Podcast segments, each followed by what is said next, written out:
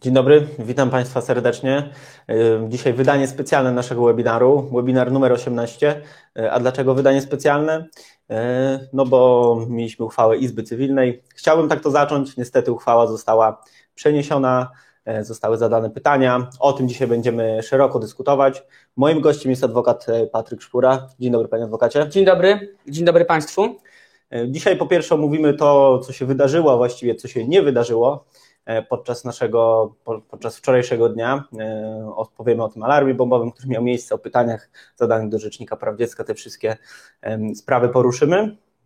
To będzie pierwsza część naszego webinaru, e, w której opiszemy, pokażemy dokładnie to, co się działo, opiszemy ten wyrok, pytania, które zostały zadane do tej Izby Cywilnej, te sześć pytań rozłożymy na czynniki pierwsze z adwokatem. Także tutaj proszę Państwa o przygotowanie swoich pytań ewentualnych co do tej uchwały. Przeanalizujemy również treść orzeczenia z 7 maja. To orzeczenie e, na szczęście zapadło. Mm, powiemy o tym, jaki jest jego wpływ na Państwa sytuację, na Państwa kredyty. E, no i oczywiście standardowo pod koniec udostępnimy quiz dla frankowiczów. Ten quiz będzie się troszeczkę różnił od tych, które były dotychczas, ponieważ będzie udostępniony dużo szerzej. Będzie to wielki quiz dla frankowiczów. Do wygrania oprócz tego, oprócz książek Kamila Chwiedosika, Droga do życia bez kredytu, będą również konsultacje. Ten quiz w odróżnieniu od innego potrwa aż do piątku do godziny 14. E, mm, od razu po wypełnieniu mogą Państwo zobaczyć swoją punktację, bo wprowadziliśmy taką nową użyteczność, także od razu będą Państwo wiedzieli, e, gdzie była błędna odpowiedź, a gdzie poprawna. Także zachęcam do udziału. No i oczywiście pod sam koniec e, udostępnimy dla Państwa sesję QA. E, myślę, e, Panie mecenasie, że czeka Pan na te pytania. Oczywiście, jak zawsze. Jasne. Także y, możemy już zaczynać. Widzę, że już Pan Sławomir nas wita. Witamy serdecznie Pani Sławomirze, Pani Iwona, dobry wieczór. Pani Katarzyna, dobry wieczór. Witam serdecznie. Proszę jeszcze dać znać, skąd Państwo nas oglądają. My tutaj nadajemy z naszego studio w Warszawie na ulicy Pięknej w ten popołudniowy wieczór, właściwie już wieczór, nie popołudnie. E, dzień dobry, panie Edwardzie, hej, witamy serdecznie, dziękujemy za ciepłe powitanie. Pan Przemek, dobry wieczór, witamy serdecznie. Faktycznie już po godzinie 20, także dobry wieczór. Mm, widzę, że zbiera się nas coraz więcej. Pani Wona z Warszawy, pani Katarzyna również z Warszawy. Dobry wieczór z Warszawy, witam wszystkich. No, nasz czat się bardzo mocno uruchomił, bardzo się cieszymy. E, panie adwokacie, e, zaczynając, proszę powiedzieć o swoich tak naprawdę swoim, co się wydarzyło, a właściwie co się wczoraj nie wydarzyło. No, wczorajszy dzień to można porównać nawet do jakiegoś filmu, bo scenariusz, jaki prawda, życie pisze, to nie napisze żaden scenarzysta i tak właśnie było wczoraj. Zaczęliśmy od alarmu bombowego, e, gdy otrzymała, do Sądu Najwyższego e, doszedł mail po prostu z treścią i prawda, no, takie rzeczy się zdarzają. E, tutaj widzieliśmy, że albo będzie opóźnienie, gdyż w dzisiejszych czasach już nie robi to takich efektów jak kiedyś, bo jeszcze kilkanaście lat temu e, w czasie takiego maila faktycznie mogło całą wokandę sądu, tak powiem, usunąć, no ale Sąd Najwyższy no to nie jest, e, tak powiem, szkoła, gdzie można przesunąć placówkę i tutaj i tak sędziowie byli zobligowani do tak powiem, wydania tego orzeczenia, czy pochylenia się nad sprawą obradowania. Poza tym, tak powiem, przejrzenie przez odpowiednie służby takiego sądu, czy nawet pewnego obszaru, gdyż jak to wystarczy tylko, że pewien obszar tego sądu został, tak powiem, przejrzany i e, poszukają tych ewentualnych ładunków wybuchowych, e, no, nie można tak powiem, że jeden wybuch nie sprawi, że cały Sąd Najwyższy przestanie istnieć. Ewentualnie mogłoby dojść do wybuchu jakiejś sali, więc wiedzieliśmy, że nie będzie to prawdopodobnie coś, co kompletnie odsunie to e, o kilka miesięcy. I gdy byliśmy już po 13, mieliśmy informację, że orzeczenie zostanie tak powiem, że obrady zostaną wznowione.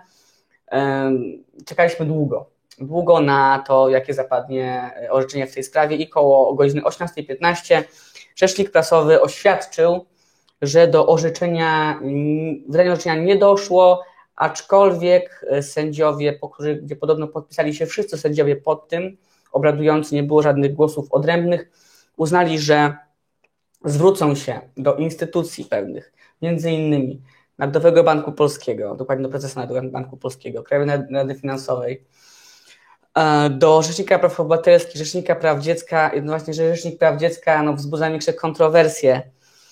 Um, wiadomo dlaczego.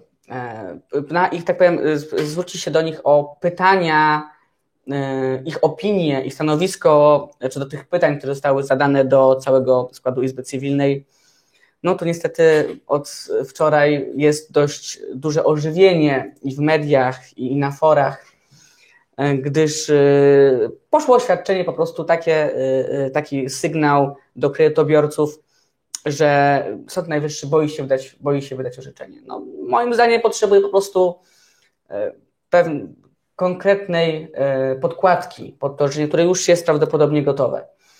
Gdyby Sąd Najwyższy może być też tak, że Sąd Najwyższy po prostu ma jakieś pewne jeszcze wątpliwości, aczkolwiek nie jestem do końca, do końca pewien. E, Rzecznik Praw Obywatelskich, Rzecznik Praw Dziecka, e, no to są takie organy, które wydają się, że nie, nie powinny mieć e, istotnego, tak powiem, zdania, bo zdania oczywiście mogą mieć, opinie swoje mogą mieć, ale wpływu na, na orzeczenie. Tam oczywiście cały zadane pytanie, dlaczego Rzecznik Praw Dziecka. Odpowiedź Rzecznika Prasowego była dość enigmatyczna, że, o, o, że te kredyty frankowe miały wpływ na rodziny. Oczywiście miały i to nie potrzebujemy do tego y, pytać w takiej sprawie, że, że, no, Rzecznika Praw Dziecka, Rzecznik Praw Dziecka jest po to, żeby dbać o interesy dzieci. Y, oczywiście zdajemy sobie sprawę, że z pewnością wiele dzieci kredytobiorców nigdy nie będzie chciało wziąć żadnego kredytu.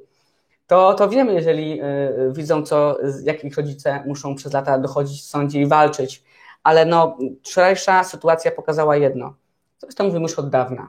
Nie ma absolutnie co czekać na gwiazdkę z nieba, tylko trzeba wziąć sprawę w swoje ręce. Tak naprawdę jednymi osobami, które na dzisiaj, na dzień dzisiejszym albo niedługo będą mogły świętować, to są osoby, które wniosły już pozew i które albo to już wygrały do pierwszej instancji, czy może nawet już wyrokiem prawomocnym.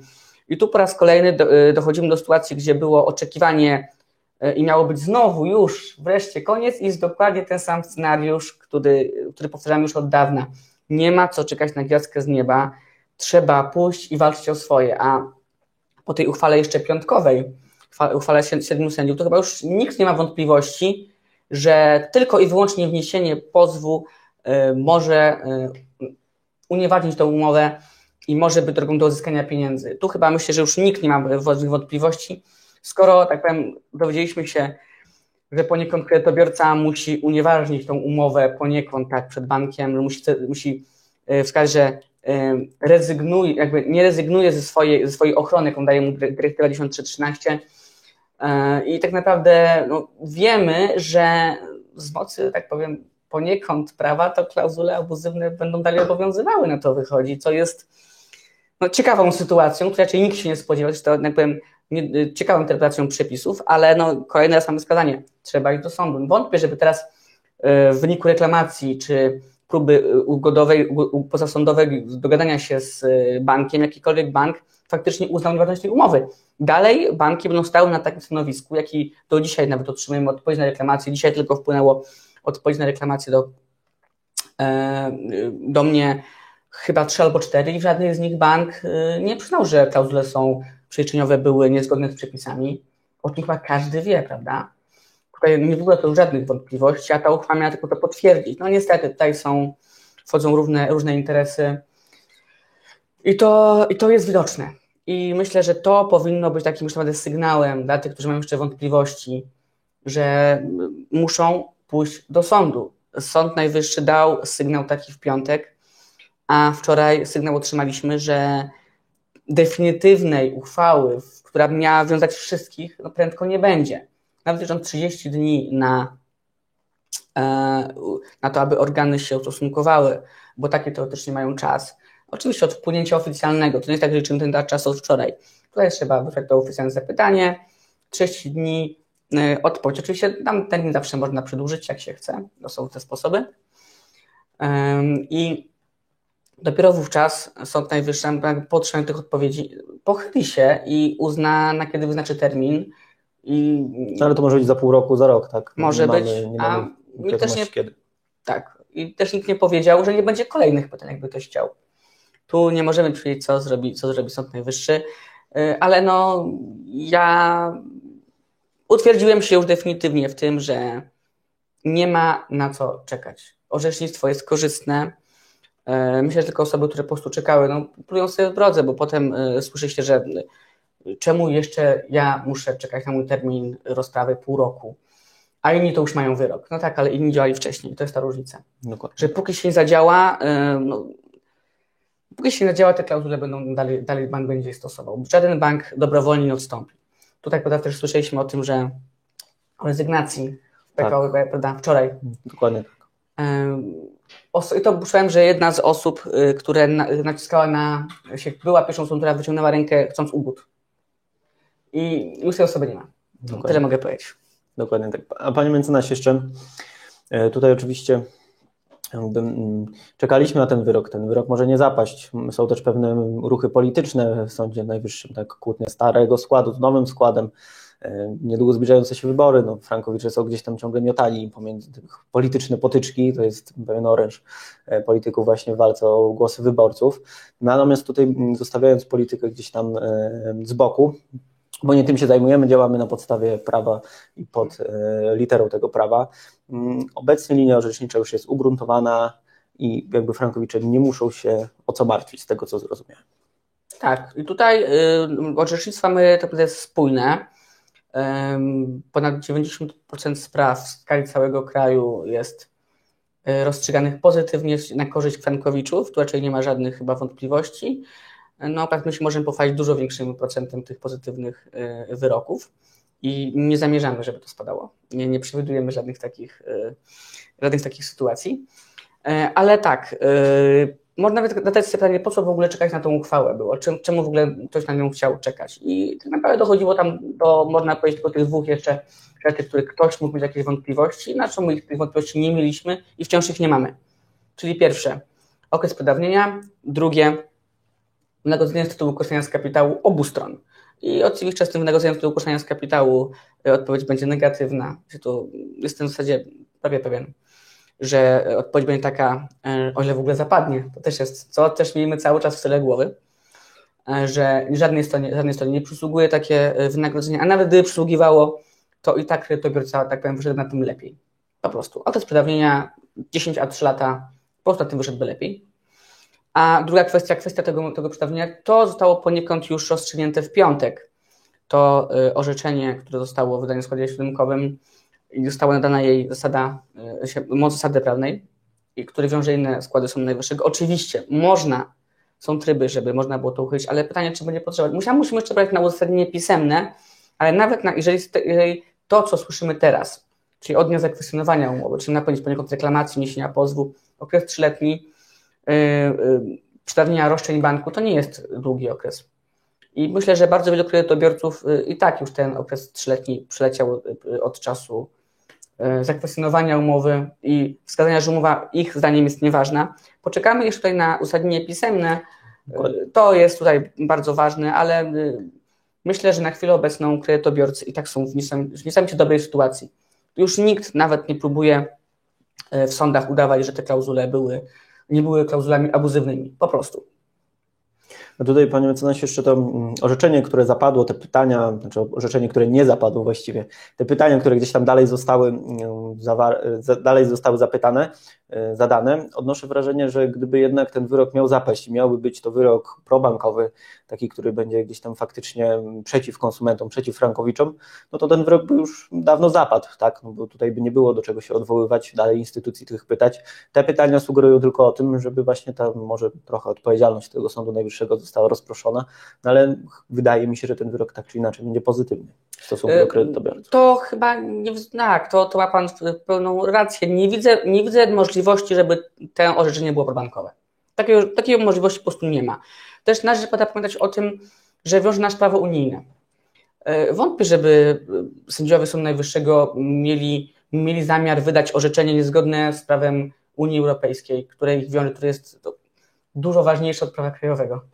Więc e, to po, prostu nie ma, to po prostu nie ma innej możliwości. Po prostu ono musi być pozytywne, e, bo to wynika z przepisów, które nas obowiązują z, z przepisów e, unijnych, z przepisów wspólnotowych i to, tu nie ma w zasadzie żadnej pora do, tak powiem, do dialogu.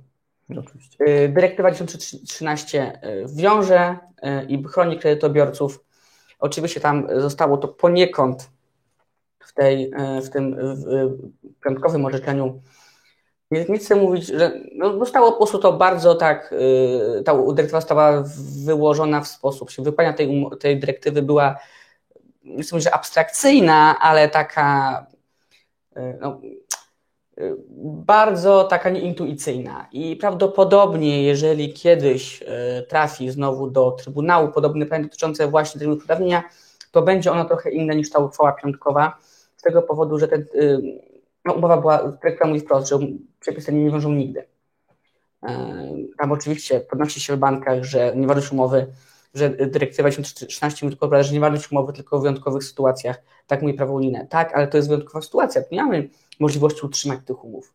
Ja bardzo chętnie zobaczę, w jaki sposób po wyeliminowaniu klauzul przeliczeniowych chce się utrzymać taką umowę kredytową, czy to indeksowaną, czy, tym bardziej denominowaną w mocy. Ja chętnie zobaczę, w jaki sposób ktoś mi zaproponuje, oczywiście zgodne z przepisami prawa, a nie mówienie, że zastosujmy kurs NBP, gdzie nie mamy możliwości zastosować, bo przepisy na to po prostu nie pozwalają.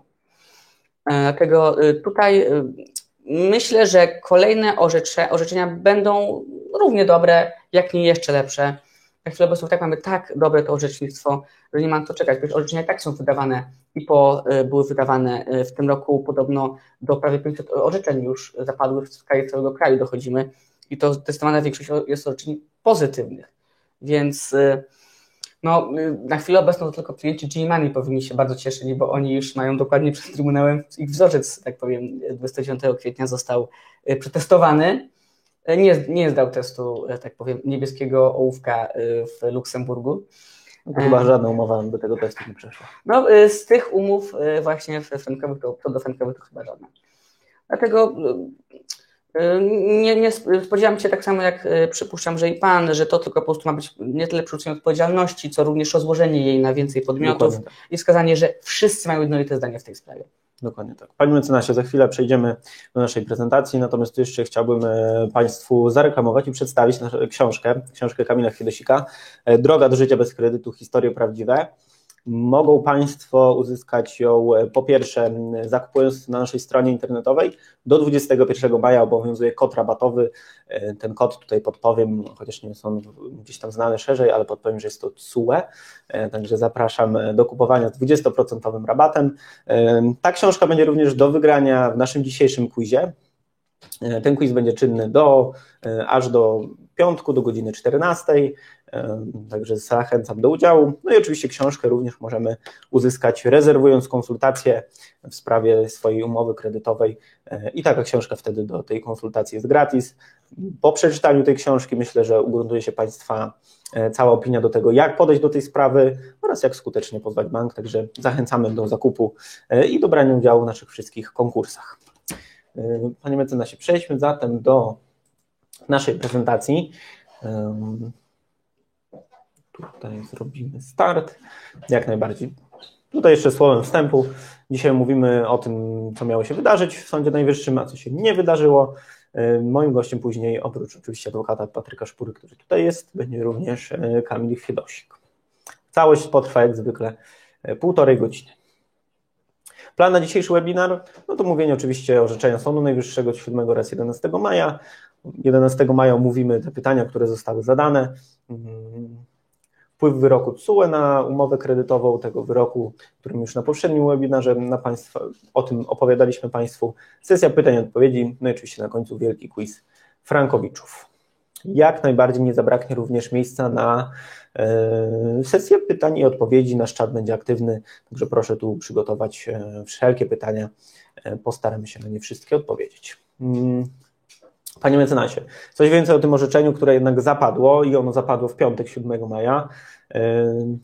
Po pierwsze, punkt A. Stwierdzenie przez sąd nieważności umowy kredytu denominowanego lub indeksowanego w walucie obcej lub uznanie za niedozwolone postanowień umownych przewidujących indeksację kredytu do waluty obcej, gdzie po usunięciu z niej postanowień niedozwolonych umowa kredytu nie może być dalej wykonywana, stronom umowy przysługują roszczenia, o których mowa w następujących przepisach. Mm, to były pytania zadane do Sądu Najwyższego.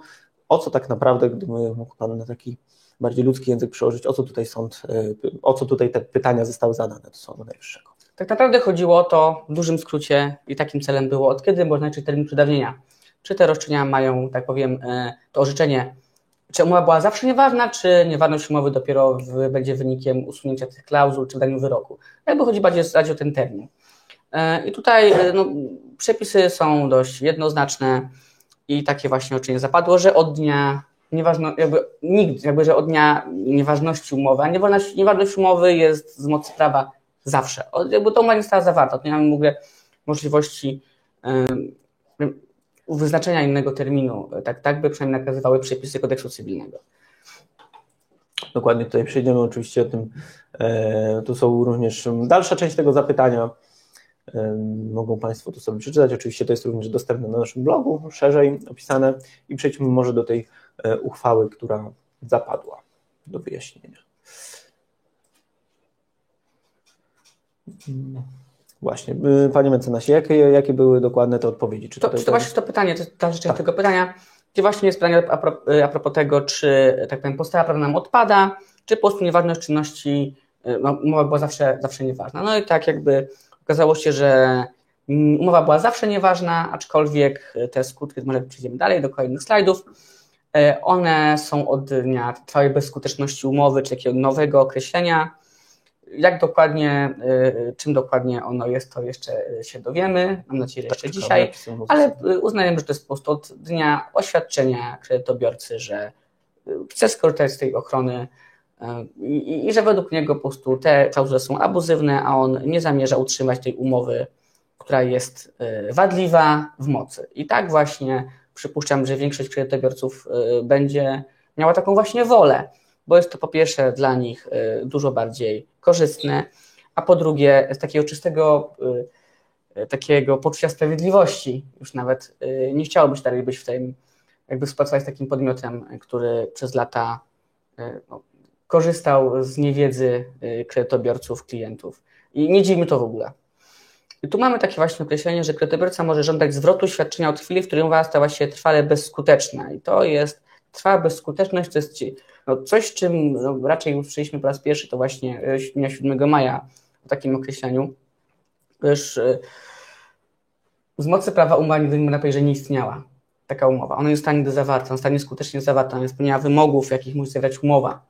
To można powiedzieć, że było trwanie na piasku, więc mówienie o takiej trwałej bezskuteczności, czy zawieszeniu tej bezskuteczności, no zdajemy sobie sprawę, że to tam układ miał być w stronę banków, ale no jeżeli uznajemy, że dyrektywa 1313 daj, y, sam wskazuje, że umowa nigdy nie była ważna. I to no, też w tym orzeczeniu Sąd Najwyższy, że umowa była nigdy nieważna, tylko że tu mówimy o jakimś zawieszeniu trwałej bezskuteczności, a nawet gdyby to oświadczenie kredytobiorcy, od którego ma się ten okres y, przedawnienia dla banku, ono może, y, mm, ciężko edukacji to jest okres reklamacji, prawdopodobnie okres reklamacji, tak bym, tak bym powiedział, bo w sumie dlaczego, dlaczego y, mielibyśmy czekać do wyroku na przykład, jak to już niektórzy mówią w strony bankowej, y, bo próbują to w, w jakiś sposób na swoją niby korzyść przełożyć, co byłoby kompletnym, powiem, stałoby w odwrocie do tego, co właśnie prawie teraz Sąd Najwyższy, a mimo to są takie, bo to właśnie byłoby kreowanie tego prawa, to życzenie byłoby kreujące to prawo, ono tylko potwierdza stan prawny.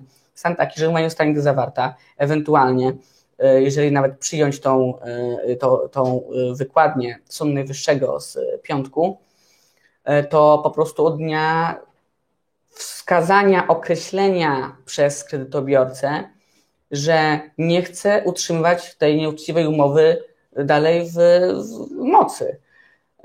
Tak powiem, od trochę drugiej strony podszedł Sąd Najwyższy, tak powiem, od tyłu tak naprawdę zinterpretował dyrektywę 9313, która mówi o tym, że umowa jest zawsze nieważna, a może ewentualnie konsument oś, oświadczy, że chce ją utrzymać w mocy, a tu zostało to od drugiej strony, że tak powiem. Y, y, Sąd Najwyższy podszedł do tego zagadnienia i stwierdził, że to od dnia zrezygnowania z tego tak naprawdę y, umowa jest trwale bezskuteczna. Więc przypuszczam, że za chwilę po prostu zaleją banki fala oświadczeń o tym, że kredytobiorcy Y, nie chcą utrzymać takich umów w mocy i to będzie miało jedyny skutek, a y, banki i tak będą twierdziły, że umowy są ważne.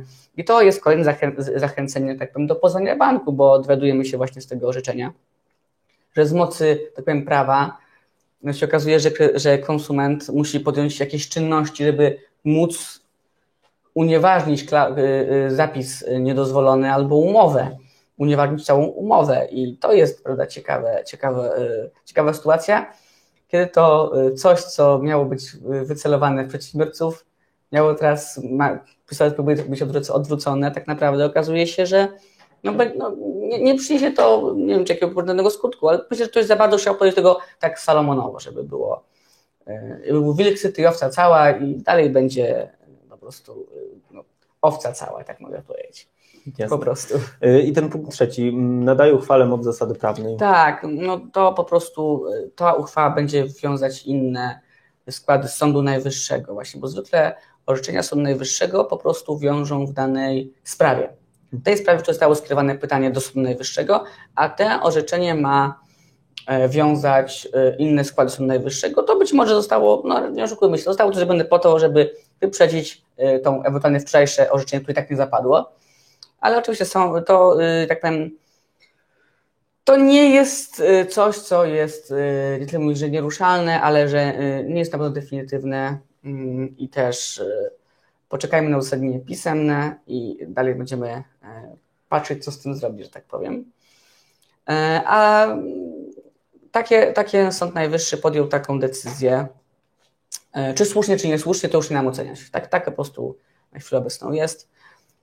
Jak wiemy, prawo unijne mówi dość jednoznacznie, że takie przepisy nie, nie wiążą od samego początku. Nie ma tam żadnej mowy o jakimś działaniu konsumenta, który ma wskazać, że chce aby taka umowa była e, unieważniona, czy taka klauzula go nie obowiązywała. No to jest bardzo ciekawe podejście, ale zobaczymy, e, co e, dalej zostanie w tej kwestii jeszcze zmienione, orzeczone. Jasne. Przechodzimy w takim razie do kolejnego, do kolejnego naszego slajdu. Orzeczenie Sądu Najwyższego z dnia 11 maja 2021 to orzeczenie, które nie zapadło najpierw ten atak bombowy. Co ciekawe, tutaj drobna ciekawostka, mail, który dostał Sąd Najwyższy w sprawie tego ataku bombowego był od Kamila Rasputina. Mm. Też całkiem zabawna historia. Natomiast Sąd Najwyższy zwrócił się y, o stanowiska do prezesa NBP, Komisji Nadzoru Finansowego, Rzecznika Finansowego, Rzecznika Praw Dziecka i Rzecznika Praw Obywatelskich. Jakiś drobny komentarz do tej sprawy, panie mecenasie? Nie, myślę, myślę, myślę, że nie trzeba. Myślę, Jasne. Że... Przechodzimy zatem do pytań. Mm, tutaj, tak jak wcześniej wspomnieliśmy, ale bobowy, opinia Rzecznika Praw Dziecka. Co następne? Czy rzeczywiście ktoś jeszcze czeka na jakiekolwiek orzeczenie?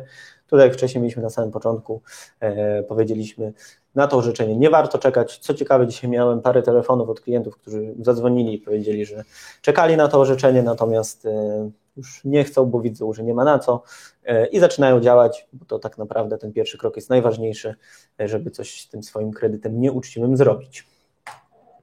Przechodząc dalej do pytań, pierwsze pytanie mm, zadane do tego Sądu Najwyższego, krótko przejdziemy sobie przez tych sześć pytań i przejdziemy później do sesji Q&A. Czy w razie uznania, że postanowienie umowy kredytu indeksowanego lub denominowanego odnoszące się do sposobu określania kursu waluty obcej stanowi niedozwolone postanowienie umowne i nie wiąże konsumenta. Możliwe jest przyjęcie, że miejsce tego postanowienia zajmuje inny sposób określania kursu waluty obcej wynikający z przepisów prawa lub zwyczajów. O co tutaj dokładnie e, jest zadane to pytanie? W dużym skrócie, czy można klauzule przyczyniowe czymś uzupełnić? I wiemy, że nie. To już wiemy od dawna, to nie podlega raczej żadnym dyskusjom i prawo krajowe o tym mówi, przede wszystkim Trybunał Sprawiedliwości Unii Europejskiej, y, no, słynna sprawa przed, z 3 października 2019 roku, a można powiedzieć, że mamy wprost odpowiedź na to pytanie. Nie, y, nie można zastąpić. Płacę żadnego zwyczaju, y, określenie się do zwyczaju, kiedy takiego zwyczaju nie ma, to jest w ogóle abstrakcyjne pojęcie. W przepisach prawa też nie było w zasadzie możliwości, nie było, takich, nie było po prostu takich przepisów. Mhm. Tam y, sąd, y, pełnomocnicy banków powołują się na przepisy dotyczące prawa, prawa wekslowego, które dotyczą czegoś zupełnie, zupełnie, zupełnie innego. E, I no, jak wiadomo, ich argumentacja no, w sądzie się nie ustaje. To nie jest tak, że mamy jakieś e, inne przepisy, które możemy po prostu zastąpić, więc nie mamy, prostu nie mamy tu możliwości żadnej takiej. E, więc to tutaj odpowiedź będzie, że nie, nie ma możliwości zastąpienia E, takimi, takimi jednymi zapisami. Mm, oczywiście pytanie numer dwa. Czy w razie niemożliwości ustalenia wiążącego strony kursu waluty obcej w umowie kredytu indeksowanego do takiej waluty umowa może wiązać strony w pozostałym zakresie? Tak, tutaj nie będzie prawdopodobnie odpowiedzi jednoznacznej z, no, z jednego prostego powodu. Wzorce umowy, umowy teoretycznie trochę się różniły, a poza tym y, tutaj głównie jest wola, wola, y, konsumentów, tak przynajmniej wynika z orzecznictwa Trybunału Sprawiedliwości Unii Europejskiej, też Sądu Najwyższego. Tu jednak, e, to nawet chyba 28 października 2019 roku, Sąd Najwyższy powiedział, że usunął umowę kredytu denominowanego w mocy i ją odfrankował. I to z zastrzeżeniem, że dlatego, że był, napisał wprost Sąd Najwyższy w uzasadnieniu, były podstawy do unieważnienia umowy, ale konsument chciał ją utrzymać, więc robimy tak jak chciał konsument. Spodziewam się podobnego, yy, podobnego orzeczenia w tej sprawie. Pamiętajmy jeszcze o tym, że sąd yy, orzekający w sprawie, sąd powszechny, on bada indywidualną, konkretną sprawę i też nie możemy tak zautomatyzować tego systemu, bo prawo nie jest automatyczne, wbrew pozorom. E, dlatego e, te, tutaj nie, nie będzie jednoznacznej odpowiedzi. Według mnie odpowiedź będzie po prostu, że jest to głównie zależne od konsumenta i danych danej sprawy i danych okoliczności w tej sprawie. I to myślę, tak można to po prostu podsumować. Oczywiście pytanie numer trzy. Czy w razie niemożliwości ustalenia wiążącego strony kursu waluty w, kredyty, w umowie kredytu denominowanego w walucie obcej umowa ta może wiązać strony w pozostałym zakresie? Ta sama odpowiedź. Sama odpowiedź, jest to tylko inny typ kredytu. Tam wiele osób właśnie mówiło, że kredytu denominowanego nie można, tak powiem, odfrankować. Okazuje się, że można, Sąd Najwyższy nie miał z tym wątpliwości. Mm, oczywiście. No i tutaj prawomocny wyrok z bankiem Fortis pierwszy w Polsce, który jest na naszym koncie, mówi dokładnie o tym samym. E, pytanie czwarte. Czy w przypadku nieważności lub bezskuteczności umowy kredytowej, w wykonaniu której bank wypłaci kredytobiorcy całość lub część kwoty kredytu, a kredytobiorca dokonywał spłat kredytu, powstają odrębne roszczenia z tytułu niezależnego świadczenia na rzecz każdej ze stron, czy też powstaje jedno jedynie roszczenie równe różnicy spełnionych świadczeń na rzecz tej strony, której łączne świadczenie miało wyższą wysokość. Czyli teoria Sadla versus teoria dwóch Czyli jak Pan właśnie zauważył, mamy kolejne pytanie dotyczące zagadnienia, na które znamy już odpowiedź i to już z lutym poznaliśmy tą odpowiedź, teoria dwóch kondycji. Nie ma jednego, tak powiem, wspólnego kompensującego się świadczenia i rozliczenia stron, co, tak powiem, byłoby quasi zastosowaniem przez sąd potrącenia. I to wbrew, tak powiem, poniekąd woli jednej ze stron, w ogóle to nie ma postaw prawnych. I tak właśnie orzekł też Sąd Najwyższy w lutym, więc mamy odpowiedź, pytanie, na które znamy już odpowiedź w tym momencie. Dokładnie tak i tutaj faktycznie e, widzimy, że obecnie około 82% wszystkich pozytywnych spraw jest w oparciu o teorię dwóch kondycji. A będzie więcej teraz na pewno. No, w apelacji myślę, że w wielu sprawach, które w pierwszej instancji miały właśnie e, teorię Salda, to zostanie teoria dwóch kondycji. No, mając już orzeczeństwo najwyższego wprost na takie pytanie, to już raczej nie będzie miał żaden sędzia wątpliwości. To oczywiście zdaję sobie sprawę, że niektórzy sędziowie chcieli znaleźć ten złoty środek, ale no, przepisy należy stosować, tak. Dokładnie tak. Pytanie piąte. E, czy w przypadku nieważności lub bezskuteczności umowy kredytowej z powodu niedozwolonego charakteru niektórych jej postanowień bieg przedawnienia roszczenia banku o zwrot kwot wypłaconych z tytułu kredytu rozpoczyna się od chwili ich wypłaty? No i tu właśnie jest Pani o ten termin przedawnienia. E, I tutaj mamy poniekąd musimy zestawić z tym orzeczenie piątkowe, które twierdzi, że o trwałej bezskuteczności. Na tutaj zapadłoby, zapadłaby odpowiedź, że tak, że od dnia wypłaty, to mielibyśmy po prostu trwała bezskuteczność, tak naprawdę to ma termin rozpoczynający od dnia, e, po prostu od dnia poniekąd zawarcia tej umowy, że rzekomej umowy. Jak będzie, pewnie się długo to wiemy, e, czy to coś tak naprawdę praktycznie zmienia? E, myślę, że niewiele.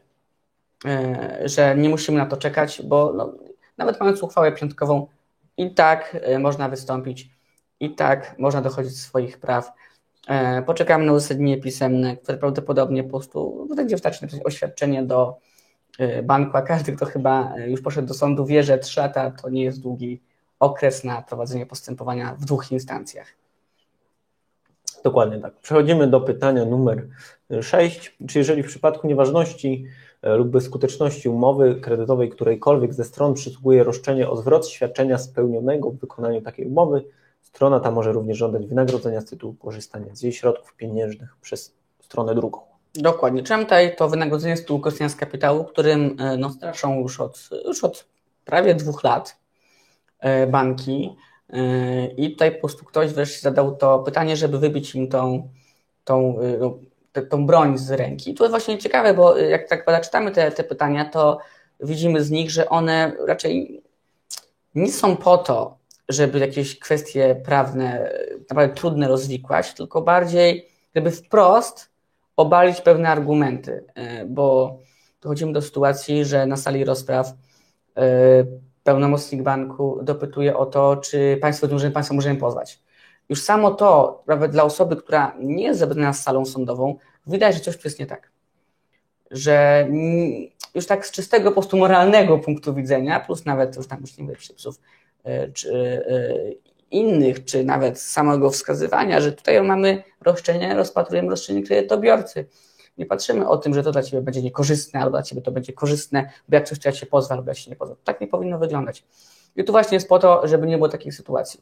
I żeby już było jasne, że żadnej ze stron, bo tak to będzie wyglądało, żadnej ze stron nie będzie przysługiwało takie, takie roszczenie, ale on to zdanie również i żeby odbić piłeczkę, rano również o to, czy kredytobiorcom przysługują w stosunku do banku, i tutaj dlatego y, okazała się ta taktyka jeszcze może dla nich bardzo, bardzo zgubna, bo mogła na tym wyjść y, jeszcze gorzej, niż jakby po prostu nigdy na taki pomysł nie wpadli. A takie w negocjacjach korzystania z kapitału, no, przy bezdomnym korzystaniu, no, nie ma postaw, że przy bezdomnym korzystaniu, przy, przy, tak, przy, bez, przy roszczeniu należnym należeć jakieś, jakieś koszty wynagrodzenia za jego posiadanie. To... Kuriozalna sytuacja. Tak, odpowiedź będzie no, jednoznaczna i będzie odpowiedzią negatywną po prostu na to pytanie. O ile oczywiście to nie zapadnie, bo. No tak. No, bo chyba naprawdę to, co nauczył nas wczorajszy dzień, to tylko to, żeby no, nie czekać. Dokładnie. Tak. No, czekanie w obecnym czasie no, nie ma tak naprawdę sensu. nie, ma, nie ma tak naprawdę na co czekać. Tak, wszystkie tak. te orzeczenia, ta linia orzecznicza jest ugruntowana. I chyba wszyscy już y, stają na jednym stanowisku, że po prostu trzeba ruszyć do sądów. I być może jeszcze większa e, presja, że tak powiem, ze strony kredytobiorców e, w, wyrażona w pozwach, w ilości spraw wnoszonych, to może być tylko kolejny sygnał, że naprawdę nie będziemy czekać, nie damy się wodzić za nos, tylko e, żądamy orzeczeń pozytywnych, czy zgodnych z przepisami prawa, prawem unijnym i takie, tak dalej to powinna tajnia orzecznicza coraz bardziej się ugruntowywać. W sumie to można powiedzieć, że jest już ugruntowana, tylko utwierdzać się w tym, co już, już wszyscy wiemy. Tym sposobem zbliżyliśmy się do końca naszej e, prezentacji i tutaj mam pytanie do naszego działu technicznego, czy drugi gość już się przygotowuje, żeby wejść. Zaraz powoli, natomiast e, wydaje mi się, że możemy jeszcze również parę pytań. Jeżeli mają Państwo pytanie do, do Pana mecenasa, no to proszę na naszym czacie. My na chwilę wyłączymy naszą prezentację.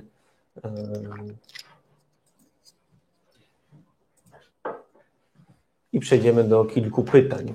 Oczywiście ma Pan jeszcze czas, żeby na parę pytań odpowiedzieć. Naturalnie. Oczywiście.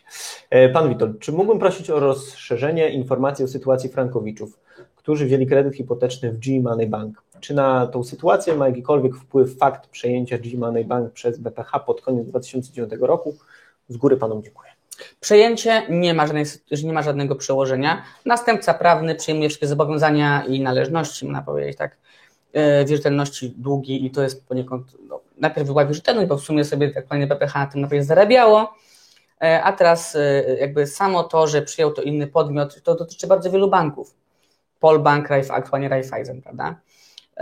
Więc to nie ma żadnego wpływu. Następca prawny to w kwestiach, to jest powiedzieć, że po, tak na Y, przełożenie zwykłych, y, tak powiem, osób fizycznych, tak jakby odziedziczyć spadek, tak? Dziedziczymy spadek, dziedziczymy go z wszystkimi wierzytelnościami, ale i z długami, tak? Poza oczywiście pewnymi wierzytelnościami, długami osobistymi, ale to nie będziemy w to wchodzić. A jeżeli chodzi o samą kwestię jeszcze kredytobiorców, którzy wzięli starym G-Money, no to oni mają już potwierdzenie z 29 kwietnia przez Trybunał Sprawiedliwości Unii Europejskiej, że ich umowa nie może zostać uzupełniona, w ten sposób, że wykreślimy wykreślony fragment, fragment tylko e, tej e, zapisu, o ile nie, on, on, sam ten zapis nie tworzy oddzielnej normy prawnej, a tam nie tworzy, plus, minus marża, nie ma takiego, to jak ja panu powiem, plus marża, to pan nie wie, o co chodzi. No tak, tak samo, tak, dlatego tutaj w, w, tej kwestii, no, y, kredytobiorcy z GMAN, no mają w zasadzie pewność, że ich klauzuły są abuzywne. Tylko kwestia skutku. Mhm, jasne. W takim razie może odpowiemy jeszcze na jedno pytanie. Pytanie od pani Moniki. Ile czasu może upłynąć od pozwu do wyroku?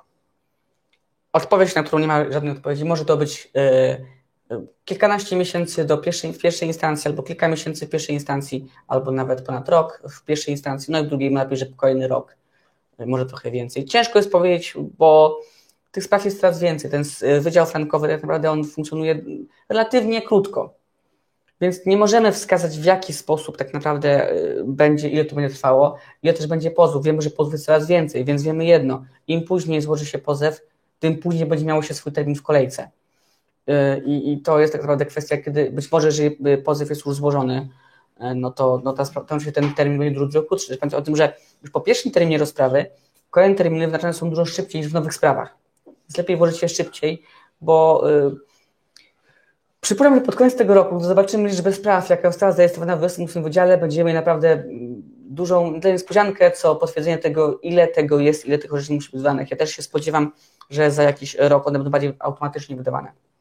Że będzie mniej rozpraw, że będą już wszyscy świadkowie banków na piśmie i jeden termin rozprawy na przesłuchanie e, kredytobiorców. Takie jest moje marzenie i liczę, że takie będzie. Ono się spełni. E, I wówczas liczę, że e, kilka, może nawet kilkanaście miesięcy od niewniesienia pozwu mielibyśmy pierwszą instancję, tak powiem, wygraną i zobaczymy, jak to się tutaj rozwinie. No oczywiście. Panie mecenasie, bardzo dziękuję za gościnny udział w dzisiejszym naszym webinarze i tutaj oczywiście zachęcam do następnych. Dziękuję bardzo. Dziękuję bardzo i dziękuję Państwu. Dziękuję Patryku. Witam, dziękuję. Mogę od Ciebie pożyczyć? A proszę. Trzy krótkie przepięcie mikrofonów, a ja w międzyczasie zareklamuję dla Państwa książkę Kamila Chwiedosika, który mam nadzieję, że zaraz trochę więcej o niej opowie. E, książkę można po pierwsze wygrać w naszym dzisiejszym wielkim quizie, e, który będzie dostępny aż do piątku do godziny 14 e, oraz rezerwując spotkanie, na przykład konsultację z Kamilem, rabat na tą książkę na hasło TSUE minus 20%. Dzień dobry. Witam Cię Kamilu. Słyszałem, że tutaj dużo ważnych tematów już poruszaliście. Brawo. Yy, tak. Od czego zaczynamy? Ja bym chciał zacząć jeszcze mm, na chwilę wrócić do naszej prezentacji, mhm. ponieważ kolejny slajd yy, jest dość tajemniczy. Polska wolna od franka. Akcja społeczna. Gdybyś mógł coś więcej na ten temat powiedzieć. Mogę oczywiście i w tym miejscu chciałem powiedzieć, że jest to pierwszy moment, w którym zaczynamy akcję e, mającą na celu pozbawić państwa wszelkich złudzeń co do tego, że pozwanie banku jest zagrożeniem, że jest pewnego rodzaju, mm, e, można powiedzieć, potencjalną stratą i lękiem przed tym, że może się wydarzyć coś złego. E, edukacja, jeżeli już decydowałem się na napisanie książki, oczywiście w gronie naszych e, wszystkich ekspertów, 333 e, strony książki to nie jest mało, jak na nawet tak szeroki zakres materiału, tematu, tak, tematyki. Natomiast robimy krok dalej, to znaczy część już dzisiaj, może jesteśmy w stanie w tej chwili pokazać stronę internetową, gdzie będą mogli Państwo odsłuchać już pierwszy, e, w zasadzie pierwszy, ale piąty rozdział mojej książki. Frankowiczu nie jesteś sam. W tym celu, abyście mogli Państwo e, zapoznać się poniekąd z tym, w jakiej tematyce jest ta książka, w jakiej retoryce, może tak lepiej, a w szczególności, żebyście Państwo wiedzieli, że e, państwa prawa są naprawdę bardzo wysokie i mnie osobiście, tym bardziej zapewne Państwa, męczy ta propaganda banków i to odstraszanie cały czas od y, podjęcia decyzji o dochodzenia swoich praw, w szczególności y, porównując to na przykład do innych y, nieuczciwych zachowań, praktyk, tutaj w tym przypadku rynkowych. To tak, jakbyście Państwo chociażby zostali przez kogoś pobici i nagle ktoś Wam wmawia, że Wy nie powinniście iść na policję, bo w związku z tym, że pójdziecie, to inni ci, którzy nie byli pobici, będą się czuli pokrzywdzeni. No to jest mniej więcej taka pokątna retoryka. Trudno mi odnaleźć te inne cały czas porównania, bo już tak dużo ich kiedyś mówiliśmy zawsze, że, że naprawdę trudno jest to do wyobrażenia sobie. Natomiast przede wszystkim chcemy, żeby Państwo nie mieli tych lęków, e, chcemy, żeby Państwo mieli edukację na najwyższym poziomie, Poza tym, co jest w tej książce, bo oczywiście, e, jeżeli Państwo mają ochotę, to można nabyć tą książkę, już jest w drukarni i z tego co wiem, prawdopodobnie za parę dni książka będzie gotowa, plus dystrybucja, więc 2-3 e, tygodnie może się znaleźć u Państwa już e, w biblioteczkach domowych. Natomiast na pewno to, co będziemy robili, i to jeszcze raz zachęcam do tego, aby Państwo odsłuchali sobie przynajmniej ten piąty rozdział i żeby Państwo poczuli się klimacie tej książki i w klimacie tego, co chcemy przekazać. W szczególności opieramy się na e, nie tylko orzecznictwie, które jest tutaj w tym przypadku oczywiście, że, że, że korzystne, natomiast też na autorytetach, czy pani profesor Ewa Łętowska, która zresztą e, wyraziła zgodę na to, aby cytować ją wszech i wobec w naszych materiałach, e, jak i też inne osoby, inne autorytety, które wprost wskazują na to, że e, banki zawiniły i że to Frankowicz ma rację w sporze, dlatego też trudno jest e, do pogodzenia się fakt tego, że banki przez te swoje powiedzmy nakłady finansowe na, na, na różnego rodzaju E, retorykę, którą przedstawiają, to oczywiście taką negatywną retorykę, na tyle skutecznie to robią, że tylko 10% frankowiczów poszło do sądu. No to jeszcze raz powiem, no jakbyście Państwo wszyscy zostali okradzeni i w pewnym momencie e, tylko 10% osób poszło, bo złodziej straszy, że całą resztę w jakiś tam sposób będzie jeszcze dochodził e, wstecz. No już co do tego, tej trwałej skuteczności, to to już mecenas Szpura się wypowiedział, natomiast ja może tylko powiem tyle, że jeżeli odnosimy się do e, wyroku piątkowego Sądu Najwyższego, to możemy mieć jedno przekonanie, że Sąd Najwyższy zasiadający tam sędziowie naprawdę znają się na języku polskim. Jeżeli chcieliby napisać, że okres przedawnienia roszczeń instytucyjnych dla banku, czyli tych, które bank może dochodzić, e, ma miejsce 3 lata od prawomocnego wyroku, to napisaliby, że 3 lata od prawomocnego wyroku. Nie pisaliby od trwałej bezskuteczności. Po co? Znaczy, jak jeżeli to nie jest takie trudne, żeby to wyartykułować wprost w takich prostych e, słowach, tak to nazwijmy. Także wiem, że retoryka banków jest w tej chwili taka, dlatego że Państwo do mnie dzwonią, piszą do nas maile, no co jest oczywiste, tak, no bo znowu to są te obawy, ale my jesteśmy od tego i w tej chwili to wydaje mi się, że już trochę zaczynamy działać na bazie takiej, że już każdy wie, że ma rację, ale może trochę powinniśmy zacząć bawić się psychologów to, żeby tłumaczyć, że faktycznie roszczenia nie tylko są zasadne, ale też i no, nie ma po co czekać na to, żeby te, te powództwo wytoczyć, bo mamy, jeżeli chodzi już w ogóle, odnosząc się też do, do słów mecenasa odnośnie Sądu Najwyższego. Można przyjąć dwie strategie. Tak? Jedną strategię taką, że orzecznictwo e, w tym zakresie uchwały będą korzystne i to już wiemy, od dawna mówiliśmy, prokurator generalny, ale możemy również wskazać na to, że jest bardzo prawdopodobne, jak mówią wielu, że nigdy ten wyrok nie zapadnie. Chociażby dlatego, że z tego, co słyszałem i to słyszałem dzisiaj, osoba bardzo bliska sądowi najwyższemu, tak bym to nazwał, tutaj oczywiście nie mogę źródeł wskazywać wprost, nawet powiedziała, że sędziowie nie tylko kwestionowali w ogóle wydanie wyroku, uchwały, tylko twierdzili, że pytanie jest zadane przez e, nie, e, organ niekonstytucyjny, gdyż pierwsza prezes jest wybrana według tychże starych sędziów, nazwijmy to w sposób niekonstytucyjny. I powiem tak, ja się czuję za mały, żeby decydować o tym, czy to jest racja, czy nie racja. Tu są organy, powiedzmy, dużo wyżej postawione, natomiast to wszystko powinniśmy pozostawić gdzieś z boku bo to, co się dzieje w tej chwili w e, sądach krajowych, w szczególności tu, gdzie mamy sprawy i tu, gdzie powinniśmy prowadzić sprawy i Państwo powinni prowadzić sprawy w Sądzie Okręgowym w Warszawie i w Warszawie Pradze, to orzecznictwo jest po prostu korzystne. I korzystne orzecznictwo powoduje, że oczekiwanie na wyrok Sądu Najwyższego, który w zasadzie potwierdzi to korzystne orzecznictwo, no trudno wyobrazić sobie określeniem czymkolwiek, jakimkolwiek innym niż tylko, że jest to po prostu zwykłe no, marnowanie czasu, tak? E, pomijając już wszystkie inne okoliczności z tym związane, ale proszę pamiętać, że sam fakt złożenia pozwu od razu nie załatwi Państwu problemu. Trzeba mierzyć się z tym, że czym później będzie złożony pozew, tym dłużej trzeba będzie czekać na zakończenie tej sprawy. Ja dokładnie wiem, bo prowadzimy już ponad tysiąc spraw, że ten czas w oczekiwaniu na wyrok jest tak naprawdę, e, no, no już jest tak blisko, już tak blisko, a jednak tego wyroku nie ma. I tu chodzi o to, że Państwo nie mogą myśleć o tym, że wyrok Sądu Najwyższego zmieni coś na tyle, że w pewnym momencie nagle problem pryśnie. Nie, to jest dopiero początek drogi, ale ten krok trzeba zrobić. Dlatego to, co piszemy w tej książce i to, co chcę, żebyśmy również przekazali Państwu w ramach akcji Polska Wolna od Franka, żebyście Państwo pozbawili się w ogóle tych lęków, tych obaw, bo my jesteśmy od tego, żeby te obawy, zadbać o te obawy i żeby te obawy w sposób no, bezpośredni um, omówić z Państwem, dlatego że tak jak powiedziałem, już chyba, no nie wiem, czy Ty w rozmowach e, z e, Frankowiczami masz takie przeświadczenie, że ludzie mają obawy co do skuteczności powództwa, czy to są inne obawy?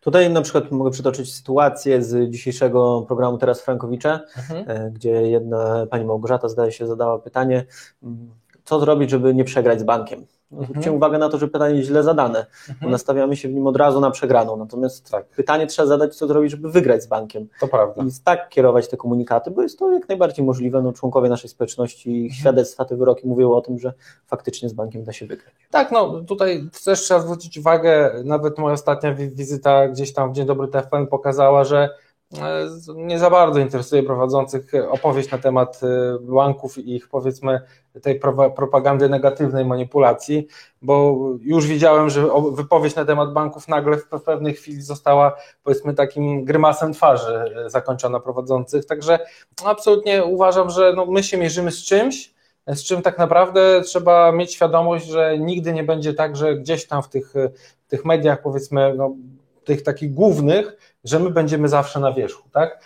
My jesteśmy na wierzchu w sądzie, ale nigdy nie będzie tak, bo nie mamy ani takich środków, a być może nawet takich umiejętności, bo też trzeba pamiętać, że PR i marketing to jest też umiejętność poza pieniędzmi, aby przekazać na tak, w tak dużej mierze, w tak dużym stopniu to, co się dzieje w sądach. Tak? My oczywiście pokazujemy i myślę, że i tu podziękowania całej naszej ekipie, że naprawdę na tyle, na ile możemy, robimy to super profesjonalnie i robimy to naprawdę z dużym zacięciem. E, mamy na to dowody, których jeszcze nikt nie podważył.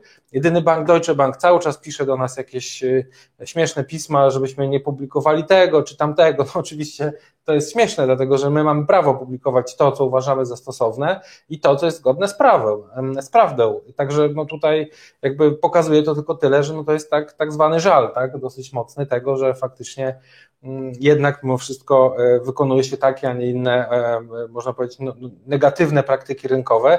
No zresztą wracając już do poszczególnych banków, nie będziemy teraz omawiali tego, no bo możemy tego, to czy e, w ekspresie Frankowiczów w każdą niedzielę bo tutaj zawsze staram się na bieżąco z Zbyszkiem Urbańskim te tematy omawiać. Natomiast podstawą i też celem dzisiejszego webinaru jest wskazanie, że Polska wolna od franka to jest nasze marzenie. I chciałbym, żeby to było również marzenie państwa, dlatego że nic nie stoi na przeszkodzie, aby spełnić te marzenie i abyśmy szli razem drogą, nazwijmy to już w tej chwili, niepokananych frankowiczów, którzy stawiają czoła tych tym, im, im, im, tych, tym wielkim korporacjom, które jawią się jednak mimo wszystko jako ktoś, kto, kogo trudno jest e, pokonać. Prawda jest zupełnie inna. To znaczy, my wiemy, e, że jeżeli my idziemy na, e, na rozprawę, wiemy, że jeżeli idziemy po wyrok, to my w zasadzie możemy wyobrazić sobie, jaki on będzie z dosyć dużym prawdopodobieństwem. I tego Państwu życzę, żebyście Państwo też mieli takie myślenie. Ja zdaję sobie sprawę, że to nie jest łatwe, żeby takie myślenie przyjąć do siebie, bo omnipotentne instytucje to zawsze będą omnipotentne instytucje, ale e, w pewnym przyjdzie taki moment, że to do nas będą przychodzili z prośbami o ugody, a nie będą się pytali nas, e, Frankowicze, czy bank zaproponował ugodę. To łaską będzie zaproponowanie ugody w stosunku do banku. Ja nie mówię tego z jakiegoś takiego poziomu, powiedzmy, nie wiem, no, wybujały wyobraźni, tylko mówię o tym, że tak się dzieje w sprawach Policji Lokat, tak, e, bo też e, wielokrotnie rozmawiałem z moimi znajomymi adwokatami, którzy zajmują się odszkodowaniami z firm ubezpieczeniowych, które zaniżają ubezpieczenia. Nie ma nic z tym dziwnego, że są ugody sądowe na warunkach tych, którzy pozywają. Także absolutnie e, jesteśmy w takim momencie, żeby zapomnieć o tym Sądzie Najwyższym, bo no w zasadzie, tak jak powiedział mecenas, tak jak mówimy od, od wielu, wielu już miesięcy, że ten, ta uchwała nic nie zmieni. A to, że oni tam mają wewnętrzny magiel, to jest ich sprawa czy wydadzą ten wyrok, e, tą uchwałę, czy nie wydadzą, to i tak nic nie zmieni, dlatego że przypomnę, wyrok CUE, gdzie byliśmy, e, wyrok CUE z 2019 roku też, gdzie byliśmy, e, dwie uchwały z tego roku również, gdzie znamy już treść tych uchwał one są ekstremalnie korzystne, to znaczy prowadzą przede wszystkim do nieważności umowy na zasadzie teorii dwóch kondycji. Natomiast jeżeli ktoś ma obawy odnośnie tego, co zrobi bank, czy, czy bank pozwie o to czy o tamto, to my właśnie jesteśmy od tego, żeby w pewien sposób to gwarantować. I akcja Polska Wolna od Franka zachęca do dialogu, a przede wszystkim będzie dawała Państwu gwarancję od wszystkiego. E, nie chcę w tej chwili, e, można powiedzieć, publicznie e, omawiać tej całej strategii pozywania banków, bo mogą nas słuchać banki, mogą nas słuchać osoby nieprzychylne.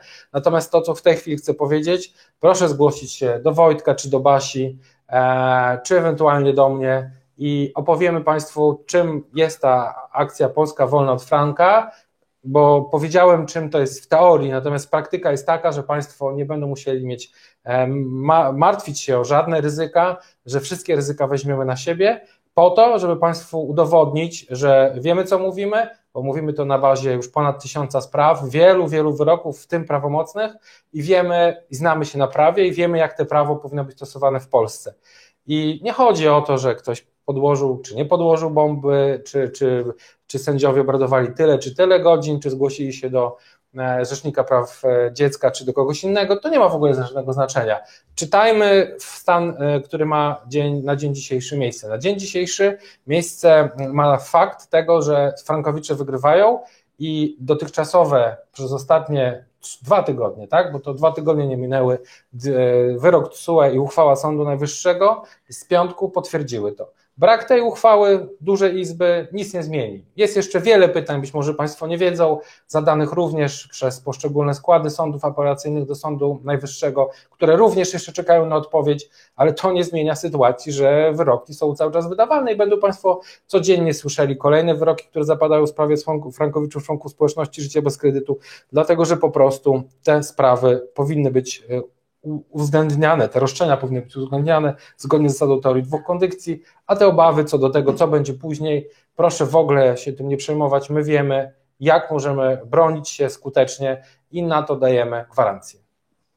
Dokładnie tak. Tutaj więcej też e, a propos tych obaw e, jest po pierwsze w tym rozdziale piątym, który mogą Państwo przesłuchać na naszej stronie, także zachęcamy do przesłuchania i też zobaczą Państwo, co jest dokładnie w książce. Kamilu, przejdźmy może do czatu, mhm. bo widzę, że tutaj dość sporo pytań e, zostało zadanych, naprawdę dużo. E, pan Michał pyta, czy mhm. zastanawialiście się o możliwości pozwania banków o odszkodowania za szkody dla kredytobiorców? Czy jest to możliwe do wykonania? I to pierwsza część pytania, drugi przejdę później. Oczywiście, no bezwzględnie. To znaczy, do tej pory y, moje przeświadczenie osobiste było takie, że jeżeli banki zwrócą pieniądze na zasadzie teorii dwóch kondykcji 10 lat wstecz, to jest to wystarczająca kara. Czyli nie ma kredytu, jest zwrot pieniędzy, idziemy do domu, więcej nie, nie ciągamy się po sądach, mówiąc kolokwialnie. Natomiast jeżeli banki będą miały, chociaż ja wątpię, ale jeżeli będą miały jakiekolwiek roszczenia zgodnie z jakimś orzeczeniem Sądu Najwyższego, to mamy wiele powodów, żeby od tego się wybronić, ale z drugiej strony, skoro bank nie poniósł y, żadnego dodatkowego kosztu, no to wtedy jak najbardziej mamy odszkodowanie. Tutaj co do kwestii samych odszkodowań i wysokości, to pamiętajmy, że nie żyjemy w Stanach, tak? Czyli tu nie ma mowy o tym, że będziemy dochodzili mm, milionowych odszkodowań, ale co jest nie mniej ważne, na pewno każda z osób, które ma ten kredyt, jest w stanie udowodnić e, przed sądem, e, przedstawić okoliczności, które zresztą są proste do, do, do wyjaśnienia, że przez wiele, wiele lat jarzmo tego nieuczciwego kredytu prowadziło do różnego rodzaju E, zawirowań życiowych, których, no, które są nieodwracalne. Zresztą przypomnę, e, zaraz po uchwale piątkowej jeden z Frankowiczów zgodził się na wywiad, który powiedział wprost, że on się zgodzi, aby oddać pieniądze bankowi, tylko że bank musi mu oddać 14 lat życia. A jeżeli nie odda 14 lat życia, to za każdy rok życia chce milion złotych.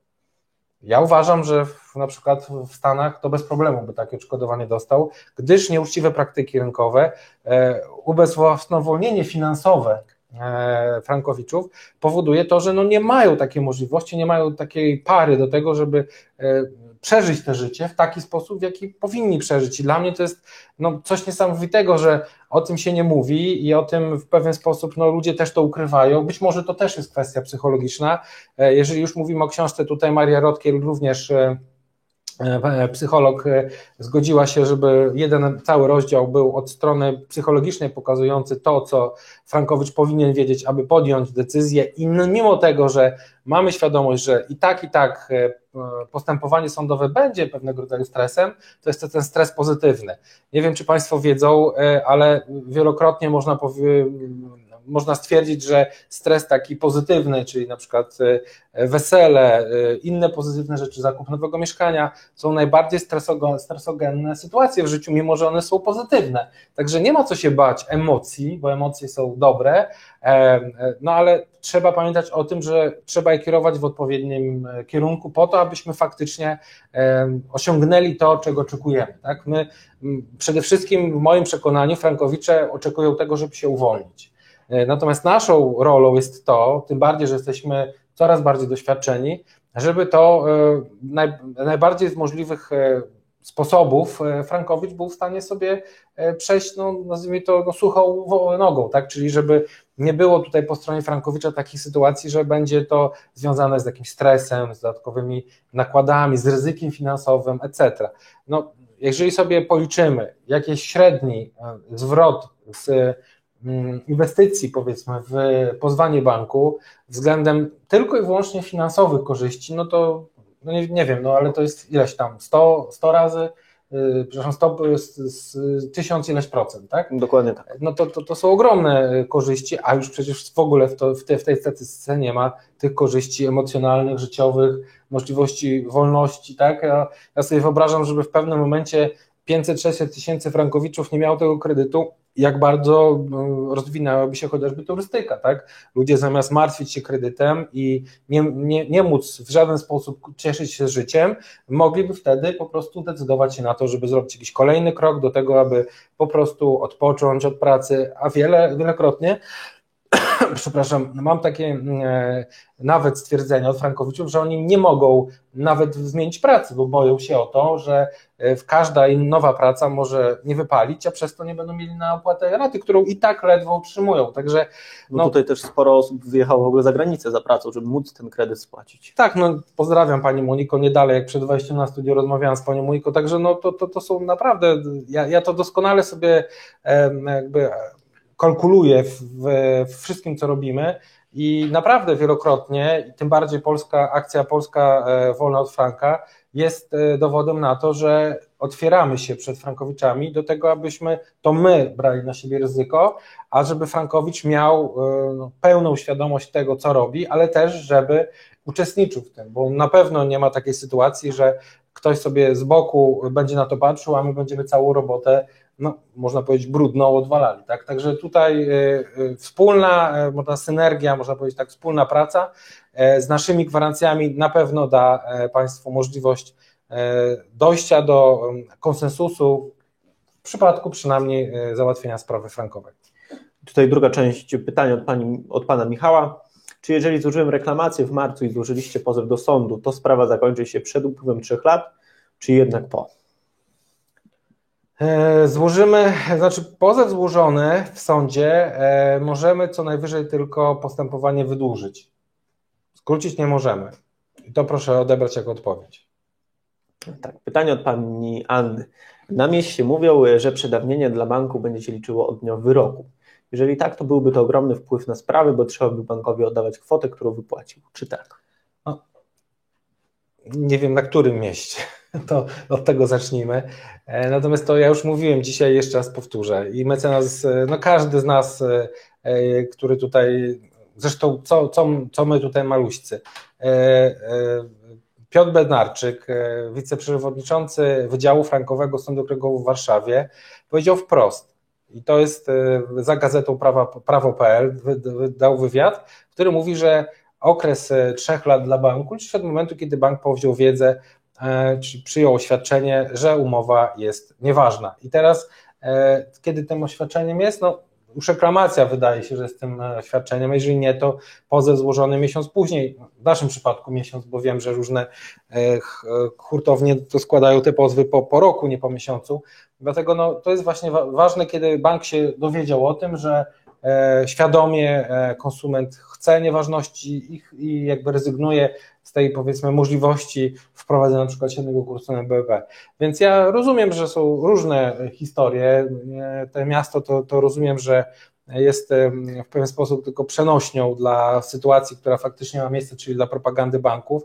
Natomiast znowu, jeżeli nawet by tak było, że trzeba było oddać środki do banku, to proszę sobie popatrzeć, bo ja naprawdę z perspektywy tych analiz, które ostatnio mieliśmy i, i, i rozmawiałem z klientami na konsultacjach, jak najbardziej y, wychodziło, że już po trzech latach od dziś tego zaczęcia tego procesu i tak i tak kwota tego, ta nominalna kredytu będzie spłacona.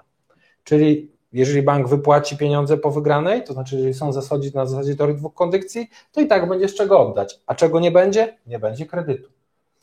Więc jeżeli mówimy o najgorszym możliwym scenariuszu, akceptowalnym, e, powiedzmy, tym stanowisku banku, którego ja nigdy nie zaakceptuję do momentu, kiedy faktycznie nie będzie miało to miejsca w orzecznictwie, to możemy powiedzieć, że Państwa sprawa skończy się na tym, że oddacie do banku wszystko to, co bank Wam wpłacił z pieniędzy, które wcześniej bank odda natomiast nie będziecie mieli kredytu. I co pozostaje? Pozostają odsetki za czas procesu, zwrot kosztów procesowych. Oczywiście trzeba odjąć od tego koszty kancelarii, bo za darmo nie da się przeprowadzić tych spraw, ale, i to co dzisiaj już rozmawialiśmy, macie jeszcze Państwo roszczenie odszkodowawcze.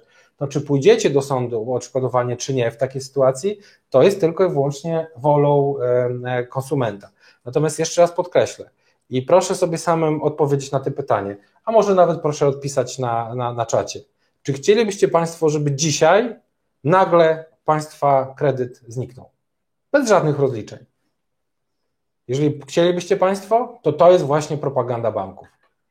Więc to jest to, co mówią banki, że trzeba będzie oddać pieniądze, które oni już pobrali przez te 15, 16, 17, 18 lat, bo pamiętajmy, że proces będzie trwał. Także ja uważam, że w ogóle to jest propaganda nietrafiona. Oczywiście większość ludzi, no jakby nie widząc tych cyfr, w ogóle nawet nie robiąc pierwszego kroku, e, nie potrafi sobie tego uzmysłowić. Natomiast ja jestem w stanie Państwu to uzmysłowić na cyfrach. To znaczy, że nigdy nie będzie takiej sytuacji, że trzeba będzie oddać do banku coś więcej niż się od niego otrzyma, a jeżeli tak, to będzie to naprawdę niewielka kwota, która zresztą z perspektywy tego, że to jeszcze bank musi dochodzić roszczenia, może jeszcze e, być rozłożona na wiele, wiele lat. Także pamiętajmy, i to powiem jakby hasło tylko, i nie chcę absolutnie do Państwa tego namawiać, ale bank, jak upadnie, to ma po swojej stronie rezerwy i na pewno te pieniądze się z banku odzyska, ale jeżeli upadnie konsument, który może to zrobić raz w życiu, to nie do końca te pieniądze da się już odzyskać od konsumenta. Także proszę też pamiętać, że ja nie namawiam do tego, ale Uważam, że jeżeli nawet taka sytuacja skrajnie by miała miejsce i konsument z jakichś powodów nie chciałby oddać tych pieniędzy, to ma wiele instytucji, aby e, skompensować to chociażby ze swoim odszkodowaniem, bo również taka instytucja prawa istnieje. E, Kamilu, kolejne pytanie od Przemka. Czy znane są Panu przypadki przegranej Frankowiczów e, versus dawny kredyt bank, umowa ekstralokum z 2008? Jeśli tak, to jakie były przyczyny tych przegranych? Tutaj znowu mam wrażenie, że Pan Przemek za bardzo skupia się na przegranej, E, bo jest to zaledwie no, jakiś drobny ułamek wszystkich pozytywnych, wszystkich spraw frankowych. To znaczy, no myśmy nie przegrali żadnej sprawy z bankiem. Jeżeli chodzi o, o prowadzenie spraw dla społeczności bez kredytu, być może ktoś przegrał, ale ja sobie nawet trudno, trudno mi sobie to wyobrazić. Myśmy żadnej sprawy nie przegrali z bankiem. Pytanie od pani Iwony. Czy fakt, że kredyt był początkowo udzielony w złotówkach, a po roku aneksem zmieniony na kredyt we franku, ma wpływ na wyrok? Może mieć, to zależy od tego, jak wygląda aneks. I tu zawsze będzie taka sama odpowiedź. Proszę przesłać skan umowy, aneks e, i wtedy odpowiemy adres info małpa życie bez kredytu. E, nie ma tutaj dwóch takich samych spraw. Te aneksy różnie były kształtowane w różnych latach. Ja naprawdę widziałem już chyba z, nie wiem, z 50 różnych aneksów. E, także co do zasady nie jest to problemem, ale lepiej zweryfikować aneks. Dokładnie, kwestia indywidualnego podejścia, indywidualnego sprawdzenia tej sprawy. Mm, pan Edward, czy pismo o rezygnacji z ochrony przed nieważnością umowy powinno w adresie do banku zawierać adres mailowy i KRS banku, tak jak jest w wzorze przez Was przesłany? Czy to pismo trzeba wysłać listem poleconym na adres siedziby banku, czy można dołożyć je w oddziale banku?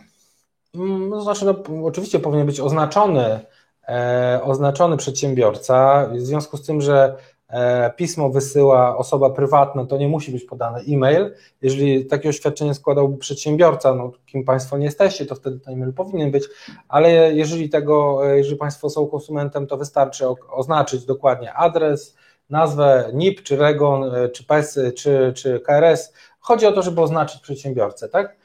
I oczywiście może być to złożone w oddziale, oczywiście z prezentatą i z pieczątką, żeby to zachować na, na dobre czasy a y, no bez wątpienia również list polecony tutaj w naszym kraju jak najbardziej spełnia tą samą rolę. Y, Tylko wtedy proszę trzymać pod, potwierdzenie nadania i odbioru, tak? czyli najlepiej z żółtą karteczką.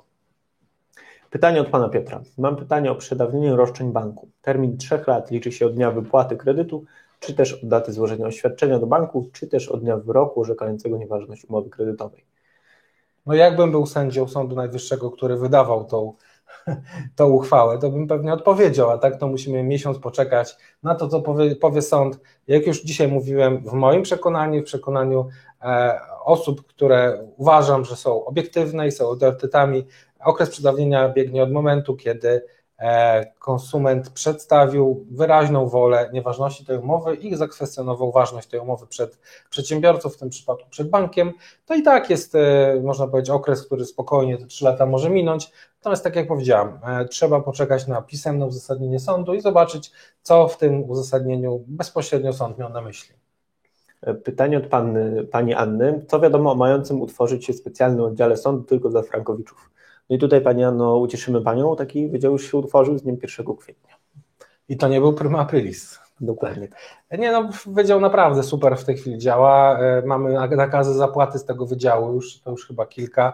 E, no, powiem tak, no, trzeba pamiętać o tym, że to też nie będzie wieczne, tak? W tej chwili w tym sądzie są e, naprawdę nieobłożone referaty sędziów poszczególnych, bo oni dopiero co zaczęli otrzymywać sprawy do siebie, swoje sygnatury, więc jeszcze myślę, że przez miesiąc, dwa będzie tam straszny luz. To znaczy, no, bardzo często Państwo piszą do mnie, Panie Kamilu, myśmy złożyli sprawę rok, jeszcze dopiero jest pierwsza wymiana pism procesowych, nic się nie dzieje, a tutaj proszę, nowy wydział i od razu nakaz zapłaty, tak?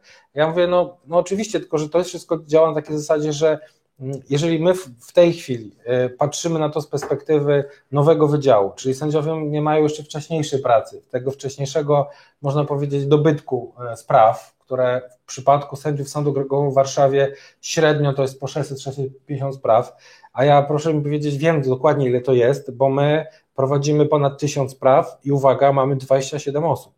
I to wszyscy są naprawdę bardzo wysokiej klasy specjalistami w tym, co robią, bo to są ekonomiści, administracja, prawnicy oczywiście, etc. A tam sędzia jest sam, plus ma asystenta, e, protokolanta na rozprawie. No to jest w ogóle dla mnie niesamowite, że ci sędziowie i tak to, mówiąc kolokwialnie, ogarniają, E, natomiast w tym nowym wydziale oni jeszcze nie mają tylu tych spraw e, i jestem przekonany, że dzięki złożeniu teraz sprawy do Sądu Okręgowego w Warszawie, do Wydziału Frankowego, bo tam wpływają automatycznie wszystkie sprawy, na pewno dużo szybciej można liczyć zakończenie sprawy, niż na przykład będzie miało to miejsce za pół roku, bo pewnie znowu ten e, wydział będzie zapchany, tak jak były wcześniej zapchane te dotychczasowe wydziały. To jest stwierdzenie od pani Iwony, tylko pan profesor Balcerowicz ma inne zdanie. Tutaj polemniki chyba były udostępniane na naszym blogu, także. A ciekawostka jest taka, że dwa artykuły e, nasze przeczytało pół miliona osób, a komentarzy to było kilka tysięcy. Mimo, że nie, nie, nie, nie, nie pałamy się za bardzo polityką, to no, trzeba było odpisać e, człowiekowi, który nie ma pojęcia o tym, co pisze, jest sponsorowany przez banki, jest sponsorowany, bo wprost wynika to z tego, że organizacja, którą, jest e, E, prezesem, przedstawicielem jest sponsorowana bezpośrednio przez banki. To wynika z oświadczeń rocznych tejże, tejże no nie wiem, w tej chwili nie pamiętam jak się nazywa ta mm, Forum Rozwoju Obywatelskiego, chyba coś takiego. For, nie, no już nie pamiętam, chyba tak. Chyba to jest FOR, czyli na ten FOR, którym jest powiedzmy oczkiem w głowie prezesa, profesora powiedzmy Balcerowicza, E, które jest sponsorowane właśnie przez banki, no on takie tezy wyznacza, natomiast no, przepraszam, pięknie zamyka go w wypowiedziach e, profesora Łętąska i zresztą wielu innych też e, profesorów, chociażby jeden z nich jest, co ciekawe, również wykładowcą na SGH. E, tutaj pan Sławomir e, komplement nam przesłał. Podoba mi się wasza polityczność w tych wszystkich zwariowanych e, zawirowaniach około tematycznych. No, faktycznie stronimy gdzieś tam od polityki. Nie to jest kluczowe, kluczowe jest to, żeby działać w literze prawa i żeby uwalniać państwa od kredytów frankowych, toksycznych instrumentów. Jakie zostały państwu zaproponowane przez banki? Także politykę zostawiamy na miejscu. Nie to nas nie interesuje, interesuje nasz po prostu sprawiedliwość, tak. Znaczy, no, robimy to, co robimy od wielu, wielu lat. I proszę zobaczyć, że do momentu, kiedy e, wygrywaliśmy sprawę za sprawą i nie było tego tak dużo, bo niewielu frankowiczów się decydowało, to w zasadzie polityka w to się nie, nie, nie, nie łapała. Tak? A teraz nagle, gdzie nic się nie zmieniło ani w prawie, ani nie zostało stawione, nie, jest stanowione nowe prawo, wręcz inaczej, prawo jest interpretowane jeszcze bardziej, czy to przez Trybunał Sprawiedliwości Europejskiej, czy przez Sąd Najwyższy, na korzyść frankowiczów, nagle jest taka częściowo oczywiście, bo wciąż przecież cały czas e, nowi frankowicze pozywają banki, ale w moim przekonaniu przy takim wzroście wygranych spraw, e, jeżeli weźmiemy sobie jakieś proste modele statystyczne, to na dzień dzisiejszy w sądzie powinno być 20% frankowiczów, a nie 10%. Więc e, to, co wstrzymuje tych, którzy już chcą, którzy są już tak bardzo blisko, to jest właśnie ta propaganda banków, to właśnie mieszanie się w politykę. Ja zdecydowanie całe życie polityce mówię nie. Jeżeli teraz y, będzie tak, że będę miał przeciwników, to przepraszam, ale ja mam co robić w życiu i mnie nie interesują e, afery, nie interesują mnie e, jakieś koligacje. My po prostu załatwiamy sprawy w, zgodnie z literą prawa w sądach, do które są do tego e, przystosowane, czyli w sądach cywilnych i zgodnie z ochroną konsumenta, tak? Dyrektywa 93 przez 13 EWG, e, orzecznictwo, tak jak już powiedziałem, będę zawsze powtarzał, CUE, no to są rzeczy najważniejsze, to jest ostoja, ostoja tej, tej, tej moralności i tego, co my robimy po to, aby Państwu pomagać. My w ogóle nie powołujemy się na żadne inne ja często pamiętam, często jak rozmawiam z klientami, mówię, że dlaczego ten sąd, tak? Pytają się mnie. Ja mówię, no dlatego, że znamy tu sędziów i zaraz sobie myślę, Boże, żeby nikt nie pomyślał, że znamy ich, bo mamy jakieś koligacje. Nie no, znamy ich zachowania, znamy ich oczekiwania, wiemy, co w pewnym momencie trzeba zrobić, ale to nie jest tak, że my mamy jakiekolwiek koligacje. Także tu odnoszę się jeszcze raz do tego, zresztą to, to, to samo w, w książce mogą Państwo znaleźć, że absolutnie idziemy zgodnie z e, kanonami prawa, które już od lat 90. przez Sąd Najwyższy są stosowane. Więc rozumiem, że dla wielu dzisiaj ten Sąd Najwyższy jest czymś takim, takim drogowskazem, ale jeżeli Państwo przeczytają w książce, że od lat 90 umowy takie, jak te umowy e, kredytów waloryzowanych do franka, już mogłyby być, żeby wtedy były uznawane za nieważną, nieważność właśnie z powodu arbitralności jednostronnego kształtowania świadczenia przez mocniejszy podmiot, czyli przedsiębiorcę, to Państwo w ogóle by nie potrzebowali myśleć o tym, co będzie w przyszłości, bo to już od dawna Sąd Najwyższy mówi i tam jest kilkanaście wyroków Sądu Najwyższego Trybunału Sprawiedliwości Unii Europejskiej, które to po prostu potwierdzają. Także e, naprawdę to nie jest tak, że dzisiejsze czy wczorajsze powiedzmy uchwały i ten, ten stan, który mamy na dziś, cokolwiek zmieni w naszej sytuacji.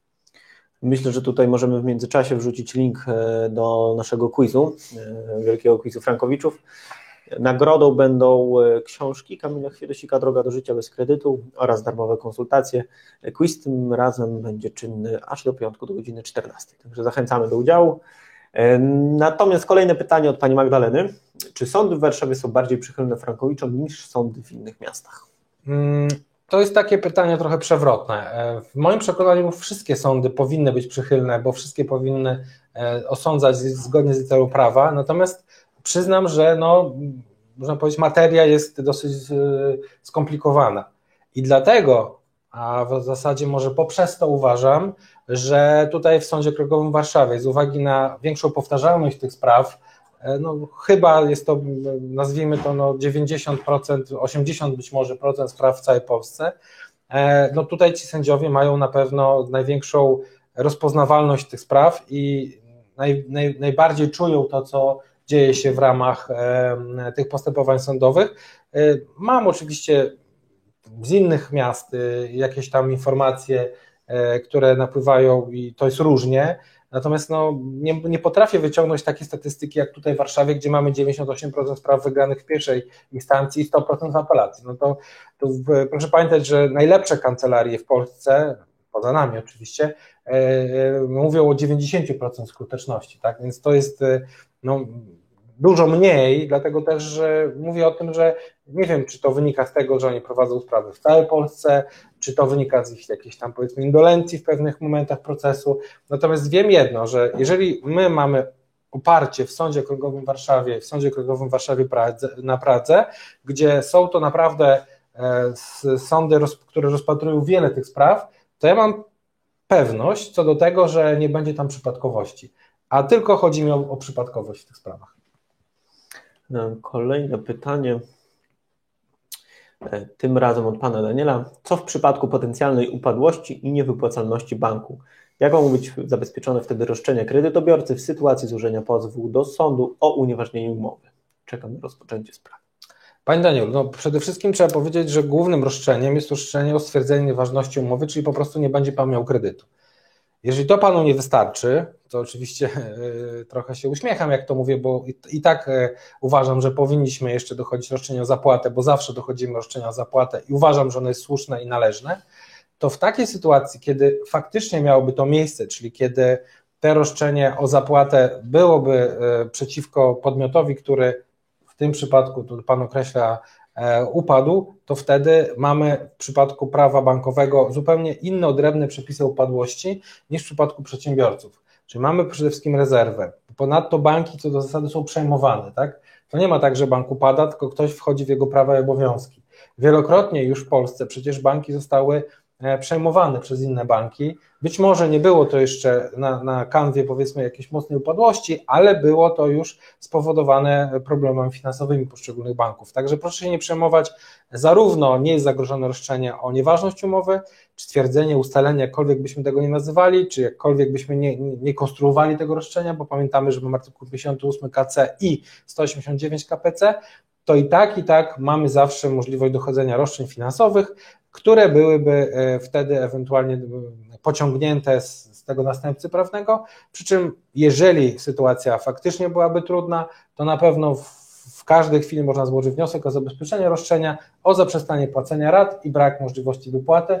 W tej chwili bankiem, w zasadzie jedynym w Polsce, który faktycznie ma realne e, postawy do tego, żeby stracić płynność, jest Getin, no ale to Getin jest od dawna to nie Frankowicze są winni, tylko Getin swoją polityką, e, ich właściciel, prezes Czarnecki i inni tego, tego typu, chociażby e, e, biorąc pod uwagę idea, to jest najlepszy dowód, idea banku oczywiście. Pytanie od pana Stanisława. Co mogą znaczyć słowa rzecznika finansowego, że pogląd na niektóre tematy może się zmienić? Czy jest w tym jakieś niebezpieczeństwo, że rzecznik finansowy nie będzie po stronie konsumentów? Hmm. To dosyć zaskakujące stwierdzenie. Nie znam. E, nie potrafię się nawet tego odnieść, natomiast znając rzecznika finansowego, pogląd na niektóre tematy, nawet nie wiem do czego to odnosił, natomiast no, e, znając e, instytucję rzecznika finansowego i Bokiku, Rzecznika Praw Obywatelskich i opinie również wielu autorytetów, no trudno powiedzieć, że bez zmiany prawa można by się zmienić, żeby się zmieniła jakakolwiek interpretacja e, przepisów, jeszcze raz chcę powiedzieć, jeżeli miałoby to się odnosić do wyroku Sądu Najwyższego ostatniego, w kontekście chociażby uzasadnienia pisemnego tego wyroku, mówiącego o tym, że bankowi należy się zwrot kapitału pierwotnie otrzymanego, no to ja wtedy również zmienię swoje stanowisko, jeżeli tak będzie. To znaczy, jeżeli będzie tak, że e, bezpośrednio i to nie tylko w jednym składzie siódemkowym, tylko e, w większej ilości tych składów sąd potwierdzi, że E, mimo tego, że bank nieuczciwie, jak paser, e, handlował powiedzmy nieuczciwym e, towarem, w tym przypadku pieniędzmi, które wykreował, których nie miał, bo banki kryją pieniądze, to nie jest tak, że ktoś państwu pożyczy pieniądze, a później ten ktoś, kto chciał zarobić uczciwie na odsetkach, nie otrzyma ani odsetek, ani, ani pieniędzy. Ten banki nie mają, nie mają pieniędzy, to są instytucje wirtualne. Oczywiście widzimy ich e, prawdziwe e, budynki i luksusowe apartamenty, które są zamieszkiwane przez ich tam menadżerów, prezesów, którzy również zarabiają horrendalne pieniądze, ale dlatego, że znają się na tej powiedzmy inżynierii finansowej, czyli na tym, żeby z niczego, czyli z braku środków zarobić pieniądze dla banków, czyli dla ich instytucji, no powiedzmy, które w jakiś tam sposób finansują.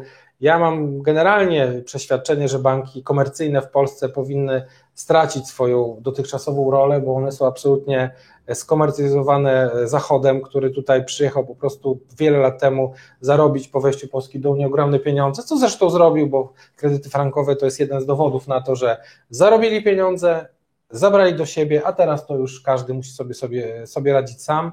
E, pomijając już politykę, tak jak powiedziałem, fakty ekonomiczne są takie, że tak to się wydarzyło. Także no tutaj odpowiedź na to pytanie jest dosyć e, szeroka, bo ja nie znam takiego cytatu, nie wiem w jakim kontekście. Być może to jest też e, pewnego rodzaju zachęcenie do dyskusji, natomiast ja absolutnie nie, nie trudno mi na dzień dzisiejszy w ogóle opowiedzieć się za jakimkolwiek innym podejściem do spraw frankowych niż my prezentujemy. Jeżeli byłoby inne, to na pewno my również e, te e, e, są zwierzęta, które nie zmieniają swoich opinii. Kamilu, myślę, że zostało nam jeszcze czasu na dwa ostatnie pytania. Mhm. Pierwsze od pani Doroty. Pani Dorota zadała jeszcze przed naszym webinarem. Co wnosi ostatni wyrok CUE do spraw Frankowiczów? Jakie są, będą jego konsekwencje? No, wyrok CUE ogromnie korzystny, a oczywiście znowu odwrotny niż banki to sobie wymyśliły w ramach swojej propagandy. Przede wszystkim trzeba powiedzieć, że e, aneksy nic nie zmieniają w umowach, e, ustawa antyspreadowa nic nie zmienia w umowach, e, dalej idąc, oczywiście to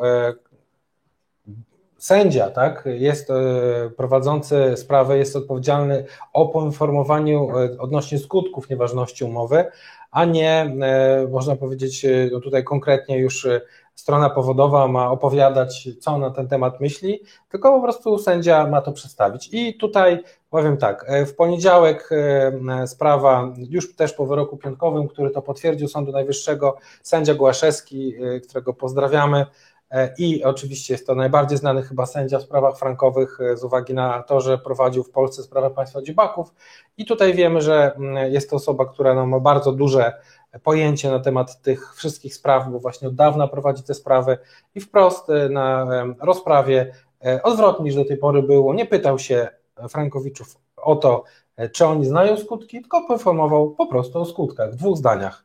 Czy oni akceptują te skutki, oni powiedzieli, że akceptują i umowę nieważną. Także powiedziałbym tak, to jest duża zmiana, dlatego że to w pewien sposób krystalizuje podejście do e, unieważnienia umowy, a z drugiej strony też, przepraszam, nie powoduje, że e, Sąd Krajowy ma prawo do naprawiania umowy, gdyż to właśnie konsument decyduje, czy chce tej naprawy, czy chce dostać 5 tysięcy złotych ze spreadów, czy chce ukarać bank za to, że stosował nieuczciwe praktyki rynkowe, dlatego że pamiętajmy, że to nie chodzi o to, że bank zrobił to w stosunku do jednej czy drugiej osoby, tylko bank, bank wszystkich frankowiczów oszukał. A to, że na dzień dzisiejszy poszło tylko 10% osób, to tak jak powiedziałem, na dzień dzisiejszy w moim zdaniem to jest propaganda banków za tym stoi, bo przynajmniej 20% powinno iść, czyli dwa razy tyle ludzi powinno już dzisiaj być w sądach. Pytanie jeszcze od Pani Agnieszki. Dostaliśmy zarzut, że je pominęliśmy. No Pani Agnieszko, niestety nie mamy możliwości na wszystkie pytania odpowiedzieć. Czas naszego webinaru jest ograniczony, ale proszę je zadawać, czy to w programie teraz Frankowiczy, czy do nas dzwoniąc, czy pisząc na nasz adres mailowy. Natomiast tu jeszcze e, ostatnie na to pytanie odpowiemy. Pani Agnieszka zatem pyta, czy jeśli w pozwie określona jest kwota roszczeń wynikająca z wpłat do banku do czasu złożenia pozwu, do roku 2017, powinno się rozszerzyć pozew o wpłaty do dnia dzisiejszego. Czy też może nie trzeba i jest oczywiste, że w przypadku unieważnienia umowy zasadzona będzie cała wpłacona kwota. Nie, no to oczywiste na pewno nie jest. No, sąd nie może dochodzić roszczeń ponad e, e, wolę i, i wskazanie, przede wszystkim udowodnienie roszczenia finansowo, dlatego są ekonomiści, którzy to robią. Ja przypomnę tylko, że my prowadzimy postępowania dynamiczne, więc my zawsze rozszerzamy powództwo o pieniądze wpłacone w czasie trwania powództwa. Natomiast chcę przypomnieć, że na kanwie e, zarówno wyroku TSUE, jak i ostatniego wyroku Sądu Najwyższego z piątku, te obie instytucje wypowiedziały się, że w zasadzie e, konsumentowi nie powinno się przedawniać roszczenie, gdyż 10 lat liczy się od momentu, kiedy konsument powziął wiedzę o nieuczciwych praktykach rynkowych banku, czy tego, co jest we własnej umowie w kontekście. Oczywiście to jest znowu pytanie, kiedy te 10 lat miało miejsce, czy te 10 lat to jest w momencie, kiedy, nie wiem, była jakaś klauzula wpisana, tutaj oczywiście znowu każda sytuacja, każdy bank indywidualnie, ale można sobie założyć taką sytuację i to będziemy robili, że jeżeli będziemy rozszerzali kwoty, te, które były spłacone od dnia złożenia pozwu do dnia rozszerzenia powództwa przed wyrokiem, to również wrócimy do tego, co było od dnia e, wypłaty kredytu, czyli pierwszej spłaty raty, do dnia złożenia pozwu, bo do tej pory dochodziliśmy roszczeń tylko za 10 lat wstecz. Natomiast znowu to się musi ugruntować, tak? To, to nie chodzi o to, żeby nie wiadomo po co i nie wiadomo o co e, starać się, jakie roszczenie, tylko ono musi być ugruntowane po to, abyśmy później nie mieli jakichś częściowo oddalonych powództw i tak dalej.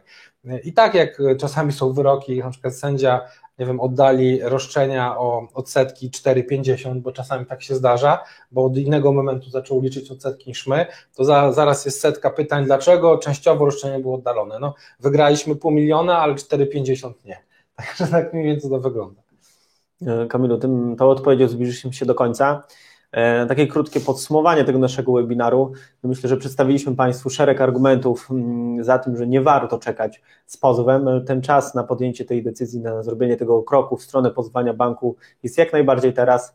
Żadna opinia, żadna uchwała nowa nie zmieni korzystnej linii orzeczniczej, która obecnie jest już e, dość mocno ukształtowana, jeżeli chodzi o postępowania frankowe.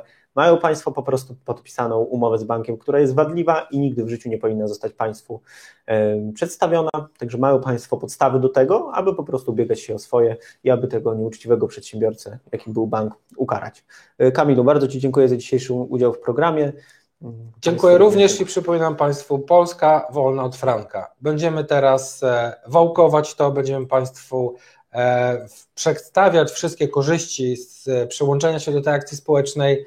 E, będziemy robili wszystko, żeby Państwa obawy się skończyły. Bo jeżeli propaganda banków znaczy więcej niż nasze merytoryczne argumenty, to przejdziemy do ofensywy i będziemy rozmawiali o Państwa obawach i będziemy te obawy zamykali, brali na siebie. Także jeszcze raz powtórzę, Polska wolna od franka to jest coś, co w najbliższych e, miesiącach będzie przyświecało naszym e, edukacyjnym celom. E, plus oczywiście zachęcam, uśmiechnę się, do zakupu mojej książki, gdyż uważam, że jeżeli ktoś nawet ma już prowadzone postępowanie sądowe, to bardziej to zrozumie i lżej przejdzie to, to postępowanie, gdy, kiedy dowie się, że jest tak dużo argumentów na rację Frankowiczów na to, że umowy są nieważne, że to nie tylko my mówimy, mówią to autorytety, pokazujemy jak, jaki rys historyczny jest tych wszystkich kredytów frankowych, o czym mówią eksperci z zakresu finansów, e, e, prawa, ekonomii. W tej książce wszystko jest, również psycholodzy, także powiem tylko tyle. Czas na to, żeby wziąć sprawy w swoje ręce, a jeżeli Państwo są już w sądzie, czas na to, żeby przestać się zamartwiać, tym, co się dzieje wokół nas dzisiaj. Nie, nie mieszmy się z polityką. W moim przekonaniu jesteśmy za mali na politykę, ale z drugiej strony również szkoda naszego życia na politykę. Szkoda już wystarczająco na kredyty frankowe, także jesteśmy e, cały czas z Wami i e, zapraszam do kolejnego odcinka już w niedzielę kolejny Ekspres Frankowiczów, a w piątek e, okiem były Frankowiczki Kasia Urbańska o 12. Dziękuję bardzo, bardzo Państwu za udział w dzisiejszym webinarze i zapraszamy do śledzenia naszych materiałów. Dobranoc. Dobranoc.